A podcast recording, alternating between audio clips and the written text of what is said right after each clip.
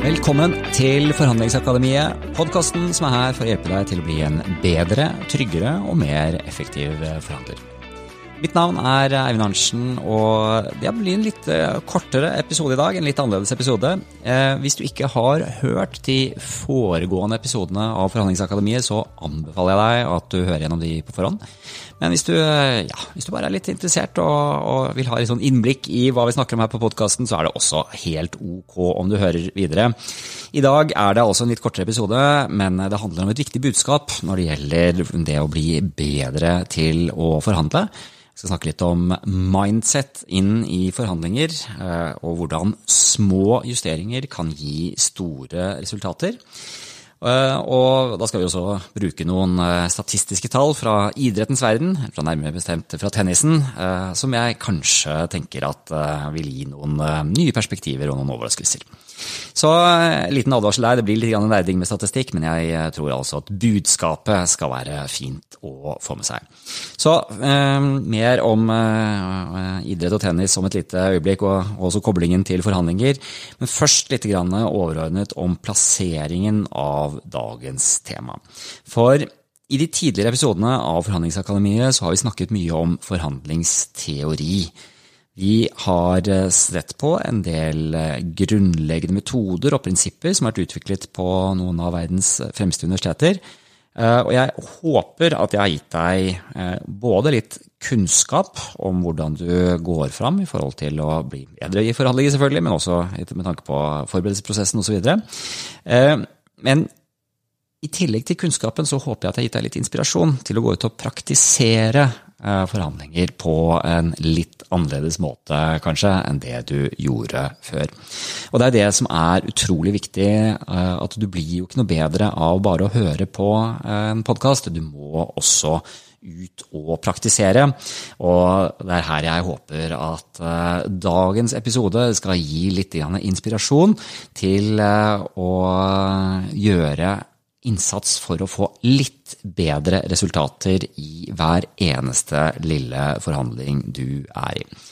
Og inspirasjonen jeg fikk til å lage denne episoden, kom eh, altså selvsagt fra French Open. Eh, jeg spiller inn dette nå 13.6, eh, og nylig var Kasper Ruud første nordmann som hadde æren av å møte Rafael Nadal i finalen under Roland Garros. Eh, stor eh, idrettsprestasjon av Kasper Ruud, selv om han også nær sagt selvsagt tapte i kampen mot Nadal. Hvis du ikke er så veldig stø i tennis, så tenkte jeg jeg skal ta en liten og veldig kort og forenklet oppsummering av reglene som gjelder i tennis, fordi det er viktig for å forstå dagens eh, poeng. Og det er poeng det handler om. Eh, det grunnleggende har du sikkert kontroll på når det gjelder tennis. Eh, det er jo en idrett hvor spillerne står i hver ende med en racket og en ball. og så server den ene spilleren over til den andre, og så er spillet i gang. Og man spiller om poeng. Det gjelder å samle flest mulig poeng. I en tenniskamp så regnes resultatet i game og set. Og for å vinne et game trenger man å vinne fire ballvekslinger. Hvis stillingen er lik, eller due som det heter, så må den ene spilleren vinne to baller på rad for å vinne gamet. Det er uh, grovt sett uh, reglene her sånn. Uh, så er det jo da at man samler game, set, og til slutt så vinner man matchen. Men grunnelementet, det alt dreier seg om, er jo da å vinne ballene for å få poeng. Og her kommer vi til poenget. Vi kommer til magien i tennisstatistikken. For Kasper Ruud han tapte altså 0-3 i sett mot Nadal. Men det betyr ikke at Kasper ikke tok noen poeng under kampen. Langt ifra. Forskjellen mellom Nadal og Kasper Ruud er nemlig ikke så stor som man kanskje skulle tro. For eh, selv om Nadal gjorde rent bord med tre strake sett, så var scoren i points, altså poeng, det var mye jevnere. Der var fordelingen 86 til Nadal og 55 til Ruud. Og Hvis vi da tar eh, og ser mer på det store bildet innenfor tennisen, så finner vi et interessant mønster. Det finnes nemlig et magisk tall som både Roger Federer, Novak Djokovic og da ikke minst eh, Rafael Nadal har til felles. Og det tallet er 55. Statistikken viser oss at disse tre spillerne, som altså totalt har dominert tennissporten i de senere årene og veksler på å ligge øverst på rankingen, de har gjennomsnittlig vunnet 55, 55% av alle poengene de har kjempet om i eh, Grand Slam-turneringer. Det høres eh, ikke veldig imponerende ut i seg selv, at de vinner liksom 55% av alle kampene om poeng. Men likevel så blir jo resultatet, det aggregerte resultatet her sånn, blir veldig slående. Hvis vi går tilbake til Nadal da, og ser på hans statistikk, så har han eh, og Nå kommer det noen tall her, sånn, eh, men hold med meg, eller hold ut. Nadal har i skrivende stund vunnet 36 809 av 66 663 poeng.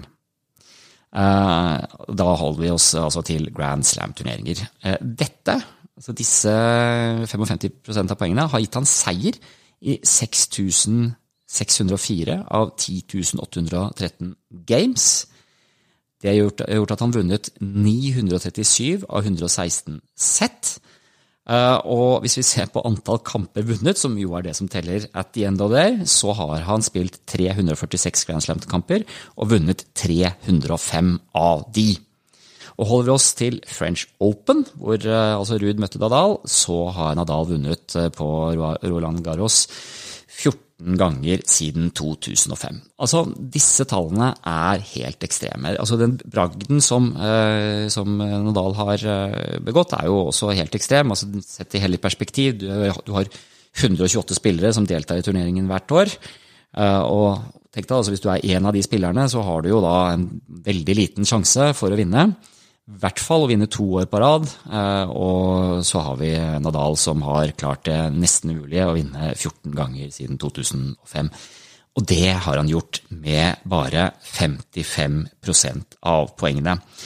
Og det er det jeg vil at vi tar med oss i dag som et hovedpoeng i dagens podkast. 55% Og det er dette med viktigheten av hele tiden å sørge for at du oppnår litt bedre resultater. Du gjør det litt bedre enn motparten. Så kan vi legge til en annen sammenligning som også dreier seg om noe vi har snakket om før, nemlig verdien av å ta initiativet og være den som åpner. I tennis åpner man jo med å serve. Og ser vi på servetallene til ja, Vi kan begynne med Nadal, så vinner han 73,6% av ballene han server. Djokovic veier, eh, veier se, eh, vinner 74,4, eh, og Federer ligger ikke så langt unna, men litt over allikevel, på 77,4 um, Igjen eh, tall som er interessante å ta med seg. De ligger jo jevnt, disse spillerne. Og disse tallene på servepoengene viser at eh, også i tennis, som i forhandlinger, så er det den som server, den som tar initiativet, som gjennomgående får best resultater. Så tar jeg med en siste ting som kom i det jeg satt der og gjorde research til denne episoden. Da dukket opp enda et eh, poeng som jeg syns var verdt å ta med, og det er trender på Twitter i, eh, i det øyeblikket jeg sitter og spiller inn her nå. Det er en video som viser eh, Nadal og Kasper Ruud i garderoben før de skal gå ut på banen. Eh, og vi ser eh, Kasper Ruud som står relativt sånn, liksom stille på siden, eh, mens Nadal hopper og spretter og løper rundt og bruker ni tiendeler av rommet og vifter med, vifter med racketen og er veldig dominerende. Og dette er visstnok et av alle disse ritualene som Nadal er kjent for, men også, tenker jeg, en sånn type psykisk eh, overtak. En del som sier at uh, Nadal vant kampen allerede før de hadde gått på banen, ved at han liksom hadde gjort den der maktdemonstrasjonen ved å hoppe og sprette rundt Kasper Ruud før de løp inn og vise styrke. Det handler i hvert fall om, om psykologi også i forhandlinger. Så Eh, dagens lærdom var, eh, og forhåpentligvis litt inspirasjon, var dette med at eh, hvis du spiller et spill som består av mange små 50-50-fordelinger, så kan du vippe Eh, dette i retning av eh, å være til fordel for deg, da. Eh, hvis du gjennomsnittlig vinner 55 av gangene, og det kan selvfølgelig overføres til alle disse små forhandlingene som vi gjør hver dag. Før vi avslutter uh, i dag, så tenkte jeg også ta med en uh, liten hva skal jeg si, en aktualitet. En hendelse som uh, har skjedd siden sist vi møttes her, sånn, siden vi tok opp forrige episode. Hvis du hørte episode tre, så vil du kanskje huske at jeg hadde besøk av professor Sverre Blandhol. Og vi kom bl.a. inn på Ukraina og hadde en diskusjon om hvordan konflikten i Ukraina, hvordan krigen er, en dag må finne sin løsning.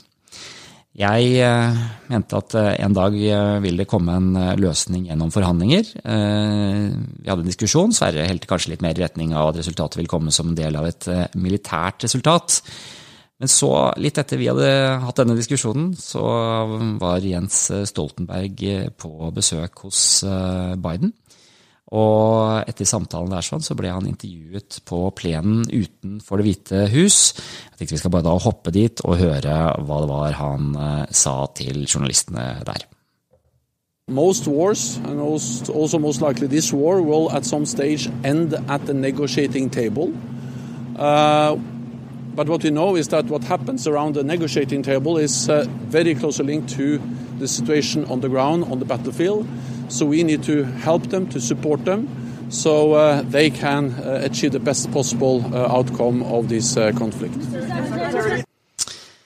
Jeg tok med den for uh, jeg tenker uh, at det er alltid spennende å kunne noen, trekke noen linjer fra hva vi snakker om her på Forhandlingsakademiet opp mot det som skjer i verden rundt oss.